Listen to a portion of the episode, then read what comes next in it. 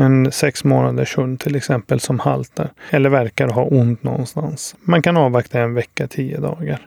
Men går det inte över så bör man söka veterinärvård.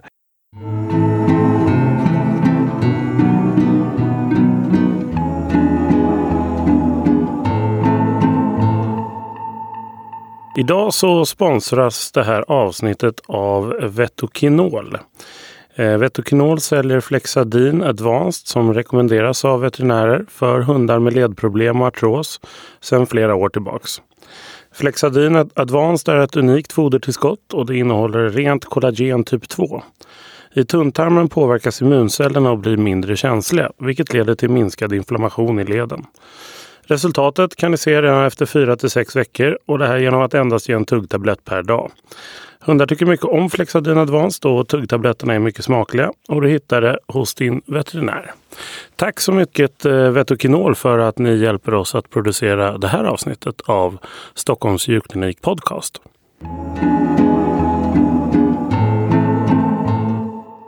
Välkommen till Stockholms djurklinik podcast. Idag ska vi prata om ortopedi och vi har med oss vår gäst Morteza Ascari. Ja, hej! Välkommen Morteza! Tack så mycket! Hur kommer det sig att du är här?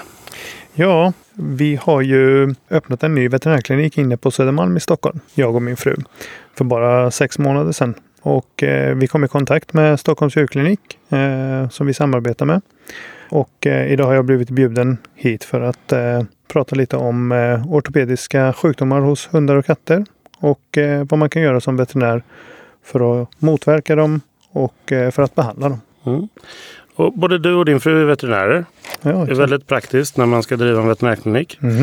Eh, har vi märkt. Eh, jag är inte själv veterinär men det verkar gå bra ändå. På något Ja. sätt. Eh, som tur är så har vi en del veterinärer anställda. Ja, exakt. Eh, och er klinik är ju ganska speciell. Den är ju rätt specialiserad på just eh, både ortopedi och eh, ultraljud till exempel. Ja, Eh, och hur kommer det sig att ni valde just ortopedi som en specialintresse? egentligen så skulle man kunna säga att jag alltid har varit intresserad av att bygga saker. Eh, Jag bygger hemma. Eh, Jag tycker om att skruva, eh, hamra. Och när jag blev veterinär så var jag ganska omedelbart intresserad av kirurgi och eh, ortopediska operationerna som jag kom att bli intresserad av berodde på att eh, jag tyckte att det fanns någon fascinering i att ingen patient är lik den andra.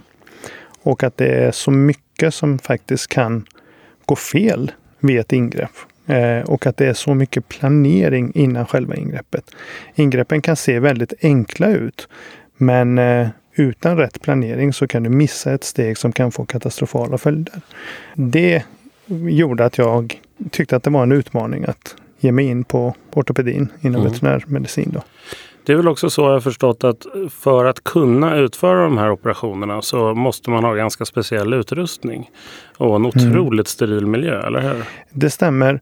Eh, både steril miljö som kräver mycket av personalen och eh, ganska mycket utrustning. Ibland så kan det se ut som ja, en byggarbetsplats inne på operationssalen med borrar, skruvar, sågar med mera. Där du ska göra ett litet, litet ingrepp på ett kattknä till exempel. Ibland undrar man själv, behöver man alla de här sakerna? Men faktum är att mycket av det som man faktiskt har kommer till användning. Ibland kan man också önska att man hade mer grejer än vad man har. Och eh, oftast är det ju en dyr utrustning och, eh, och avancerad utrustning. Ja, man går inte på Biltema och köper en skruvdragare och så sätter det igång. Utan Nej, så enkelt är det ju inte. avancerat, Eh, eh, De här skruv, skruvdragarna till exempel, de ska ju tåla och, och, och, och- diskas i 95 grader och sen så ska de tåla autoklaveras, alltså eh, bakas i en maskin som både har högt tryck och hög värme. En vanlig skruvdragare hade nog inte ens klarat en vanlig diskmaskin. nej, nej. Hur är det då?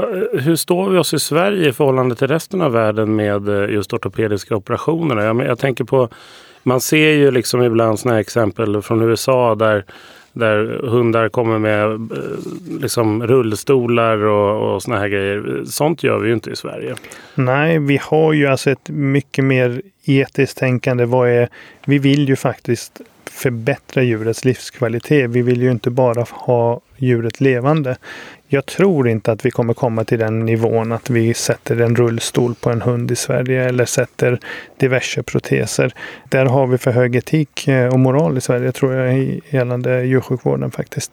Men man ska inte säga att Sverige är på något sätt efter andra länder utan snarare i toppklass. Det är bara mm. att vi vet våra begränsningar hur mycket man kan eh, hur mycket man bör eh, göra. Precis. Och vad är de vanligaste eh, ortopediska operationer på hund och katt i Sverige? Då? Man skulle kunna säga att eh, det vanligaste är ju självklart eh, alltså, frakturkirurgi, eh, eh, trauma och eh, liknande. Eh, sen kommer det ju till eh, korsbandsskador som är väldigt högt upp på listan. Patellaluxationer, alltså lösa knäskålar på hundar. Dessa skulle jag vilja säga är de mest förekommande. Sedan har man ju olika tillväxtrubbningar som också förekommer väldigt ofta. Där använder man sig till exempel av artroskopi, alltså en kamera där man går in i leden och eh, skrapar rent vissa defekter och liknande i lederna på hund eller katt. Då. Det låter ju mer eller mindre lika avancerat som den sjukvården vi har på humansidan. Absolut, visst är det det. Och jag skulle ju säga att eh, vi, vi, vi är ju i hälarna på, på humanvården. Men eh, jag tror ändå humanvården är lite längre fram. Lite vassare. Ja. Det kan vi nästan hoppas. Ja, ja. För oss själva i alla fall när man får ett dåligt knä i framtiden. Ja. Det låter ganska avancerat det här. Och jag har ju sett maskinerna, jag har sett ibland eh, vissa operationer utföras också, åtminstone på andra ställen. Mm. Jag ser att det är ganska avancerat. Hur lång utbildning behöver man utöver sina fem och ett halvt år på veterinärhögskolan innan man kan börja göra den här typen av operationer? Jag skulle inte vilja säga att det finns en eh, tid eh, alltså att, det, att man skulle kunna säga att det är tre års extra utbildning utan det är en fortlöpande eh, utbildning och man utbildar sig egentligen för specifika ingrepp. Med det menar jag att det kommer hela tiden nya ingrepp. Eh, ibland så går man på en kurs eh, som varar i fyra, fem dagar för bara att lära sig ett specifikt ingrepp. Eh, sedan så krävs det att man kan gå bredvid en annan som har gjort ingreppet för att få eh, hands-on liksom. Och eh, eh sedan börja göra det själv då. Eh, eh, tidsperspektiv, ja du, minst två, tre år. Mm. där du går externa kurser och får gå bredvid och göra vissa ingrepp. Och sen skulle man ju också kunna säga att det är ju många ingrepp som Eh, man, eh, man inte kan göra om man faktiskt inte har gått och lärt sig det ingreppet. Mm. Om man säger så.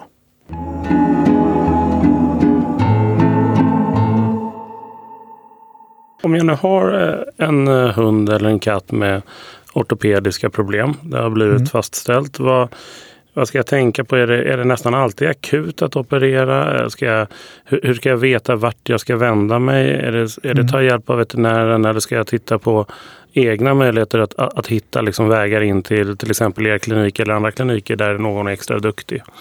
Eh, idag är det ju så här att eh, många djurägare söker själva och hittar till oss. Många gånger blir man remitterad.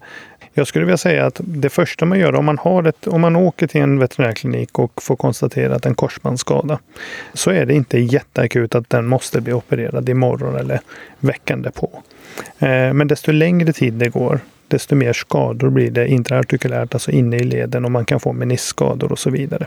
Och det bästa vore ju att kunna komma till en veterinär snabbt som möjligt.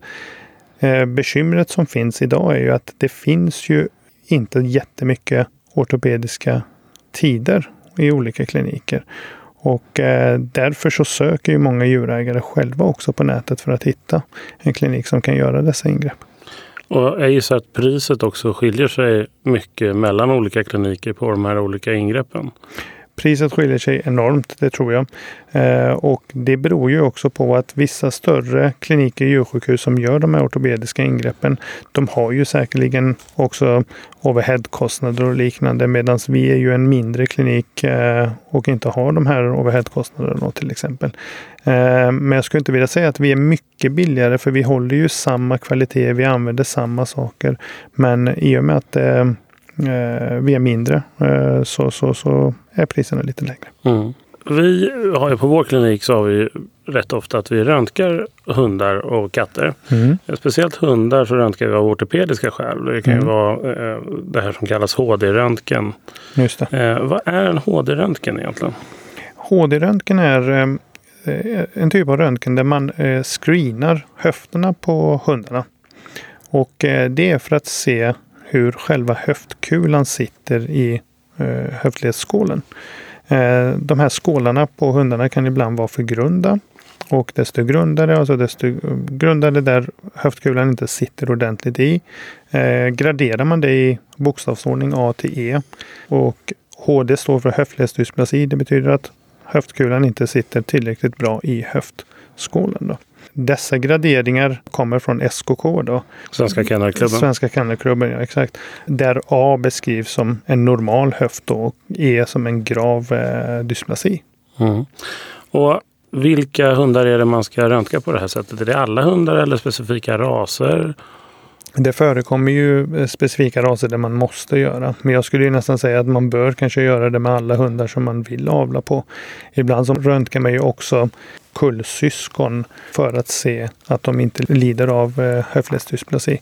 Faktum är den att många som har eh, A-höfter, alltså fina höfter, eh, kan ändå få avkommor som har höftledsdysplasi. Det är för att arvsgången är väldigt komplext.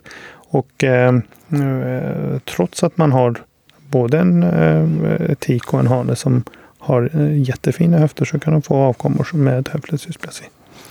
Okej, så det är viktigt att röntga sin hund och, och, och screena det här. Och speciellt om man då kan tänka mig ha större hundar. Va? Ja, det är ju eh, mer bland större hundar och eh, det är ju en fortlöpande process som eh, Svenska Kennelklubben håller på med.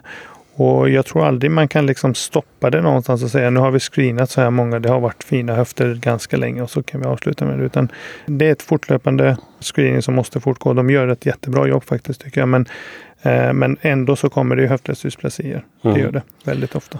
Alltså, om man tittar på förebyggande eh, åtgärder så är det klart att röntga kan man göra för att, för att upptäcka problemen i tid. Eh, och man kan ju välja en ras som kanske har mindre eh, tendens till ortopediska problem. Mm. Man kan ju inte göra så mycket för att undvika trauma. Jag menar, om, om hunden bryter benet eller katten bryter benet då, då har den ju gjort det. Mm. Eh, det. Det är ju bara så det är. Men vad kan man annars göra för att förebygga eh, ortopediska problem hos sitt djur? Ja, alltså en huvudsaklig grej är ju eh, vikt. Mm. Eh, vi ser ju idag att många av våra husdjur är ju överviktiga. Eh, och eh, där kommer ju förslitningsskador, speciellt bland större djur, eh, större hundar och eh, även på katter. Så hålla ner vikten är en jätteviktig sak. Eh, eh hålla god muskulatur. Eh, och där kommer ju vikten in också. En bra välbyggd hund eller katt eh, tyder ju på att den inte har, eh, den kommer ju inte vara överviktig heller om jag säger så. Skulle du eh, hålla med min syster när hon säger att eh, de flesta hundar vi får in på kliniken är faktiskt överviktiga även fast ägaren inte har förstått det? Det skulle jag faktiskt hålla med om. Absolut. Mm. Eh, och även katter. Eh, nästan mer katter. Eh, Mm. Eller ja, lika mycket. Alltså Mm. det, det, idag är, känns det lite grann som att eh, normalen är övervikt. Och, eh, det är ju inte bra för andra sjukdomar heller. Men eh, en självklarhet. Knäleder, bogleder, armbågar. Eh, högre påfrestning. Speciellt på en tung hund. Vi har ju en plan på att spela in ett avsnitt, eh, ett för katt och ett för hund som bara handlar om vikt och bantning, foder och, och, Mm. och aktivitet, vad vi kan göra eh, med det. Så det, det är ett väldigt intressant ämne eh, och en, en, stor, en stor problematik. Mm. Och att man också gärna för över sanningar som man har hört på människosidan, humansidan, till djuren. Mm. Med olika dieter och så vidare. Ja, just det.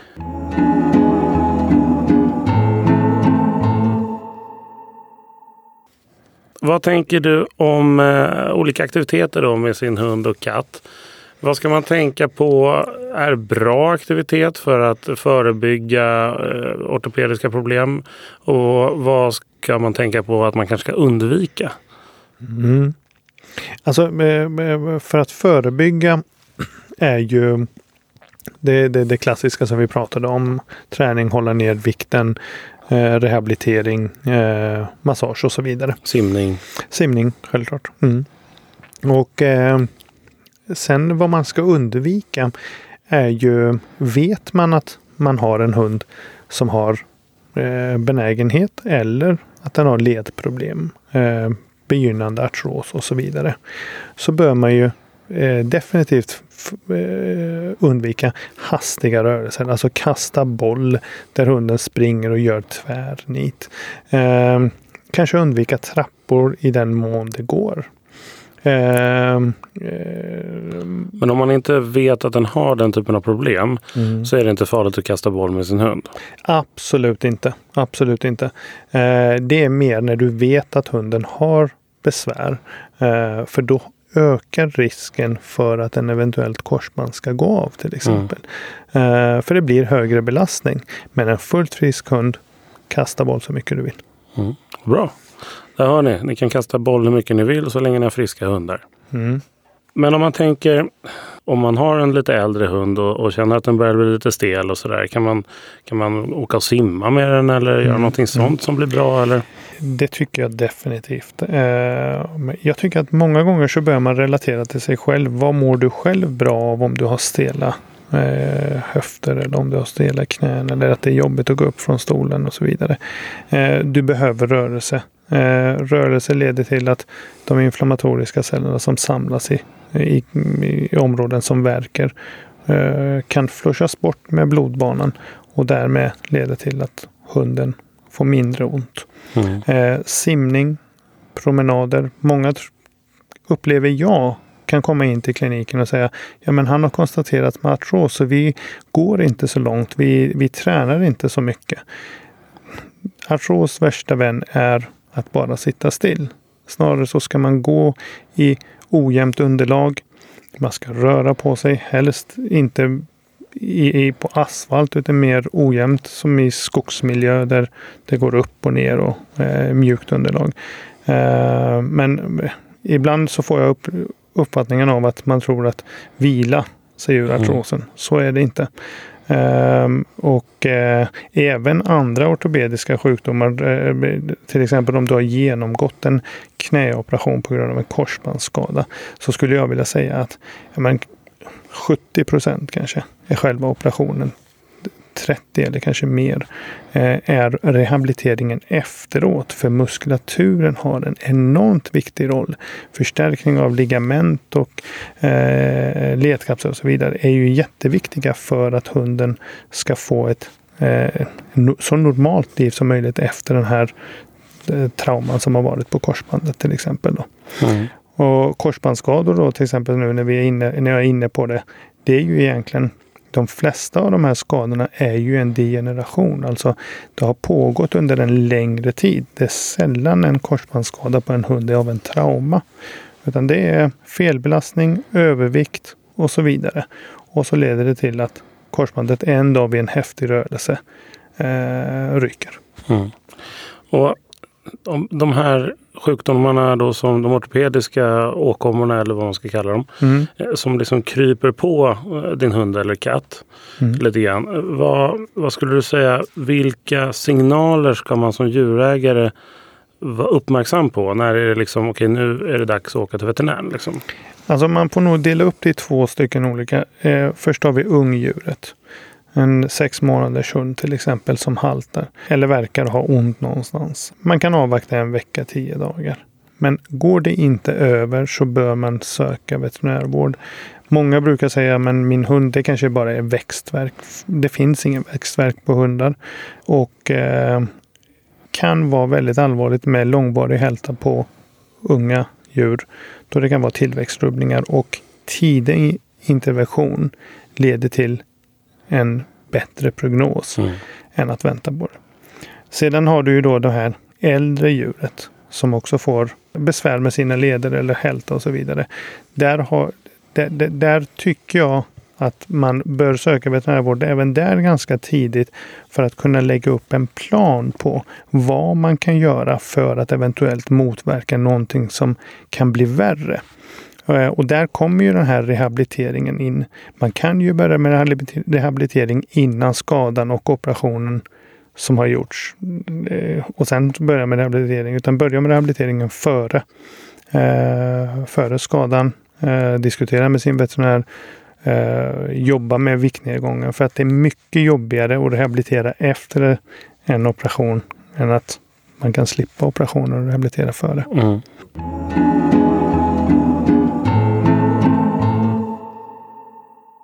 Vilken ålder tycker du att man ska börja titta efter åldersrelaterade ortopediska problem på sin hund och sin katt? Mm, fyra månader uppåt.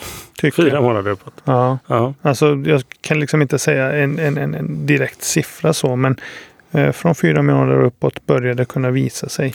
Jag eh, tänker på de här äldre hundarna. Då. Vad är det för eh, det är så fruktansvärt svårt att bara säga en ålder där alltså. Mm. Jag skulle nästan vilja säga kolla på vikten. Eh, börjar du se tendenser till eh, oren gång, sök vård. Eh, för där kan man faktiskt konstatera i tidigt skede och sätta in medicinering, sätta in rehab eh, tidigt. Men att säga att det börjar från fem års ålder eller åtta års ålder. Det skulle jag nog inte kunna. Det beror väldigt mycket på individen och eh, hunden. Det gör det. Mm, det gör det. Eh, många gånger är det också att det faktiskt inte ens beror på övervikt. Eh, det kan vara felställda ben. Det kan vara kobent, eh, hjulbent mm. och så vidare. Som också gör att eh, man får förslitningsskador i leder. Hur har det gått för er nu då när ni har varit igång i sex månader? Är det fullt med kö utanför med folk som vill göra benoperationer eller vad? Hur går det för er? Nej, det, eh, kö utanför är det ju inte. Eh, är det inte. Men vi har haft fullt upp eh, från dag ett faktiskt. Mm. Och det är superkul. Vi är ju två veterinärer just nu då. Vi blir fyra veterinärer till hösten, vilket är mer än vad vi förväntade oss. Så vi får se. Mm ska bli spännande att, att följa er resa och, mm. och, även få vara med en del mm. under, under resans gång. Eh, vi samarbetar ju som sagt en del. Vi remitterar till er och mm. ni remitterar till oss beroende Exakt. på vilka fall det handlar om. Exakt. Och Det tycker jag är väldigt bra och mm. det känns skönt att eh, inte behöva se olika kliniker som konkurrenter utan mer som komplement. Exakt. Exakt. Det viktiga är ju att kunden får så bra vård som möjligt och eh, då beror det på vad det är för skada, vart den ska vända sig egentligen. Exakt. Och där kan vi hjälpa till. Ja.